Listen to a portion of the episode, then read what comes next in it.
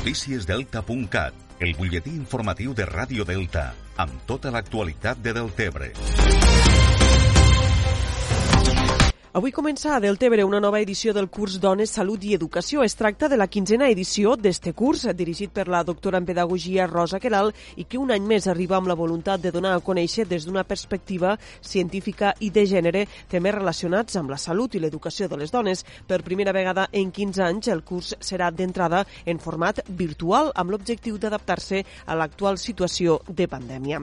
De fet, l'objectiu era començar amb un format semipresencial amb classes al Centre Fluvial del Delta per a un determinat número d'alumnes. El manteniment, però, dels confinaments municipals en cap de setmana ha fet inviable mantindre este format, almenys d'inici, ja que no permet els desplaçaments dels ponents del curs fins a Deltebre. Així, el curs començarà de manera virtual, ho explica Rosa Queral, directora del curs. Que el curs es farà D'entrada, fins que no canvien les circumstàncies sanitàries, se faran tot online.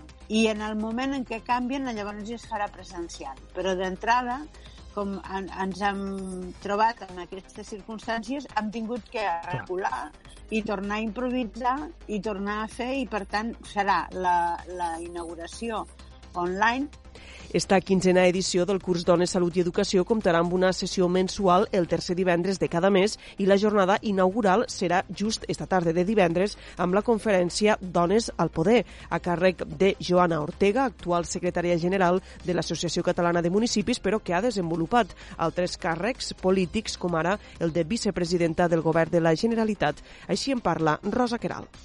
Francament tenim, per a parlar de les dones al poder, tenim a l'expresidenta de l'Institut Català de les Dones, a la exvicepresidenta del govern, que no es dir res, i a més a més una consellera de governació, perquè penseu que, que aquests llocs normalment han sigut sempre ocupats per homes i les dones sempre, pues, si hi ha conselleries, ha estat a benestar o han estat a uns altres llocs, sí, amb un estereotip, no?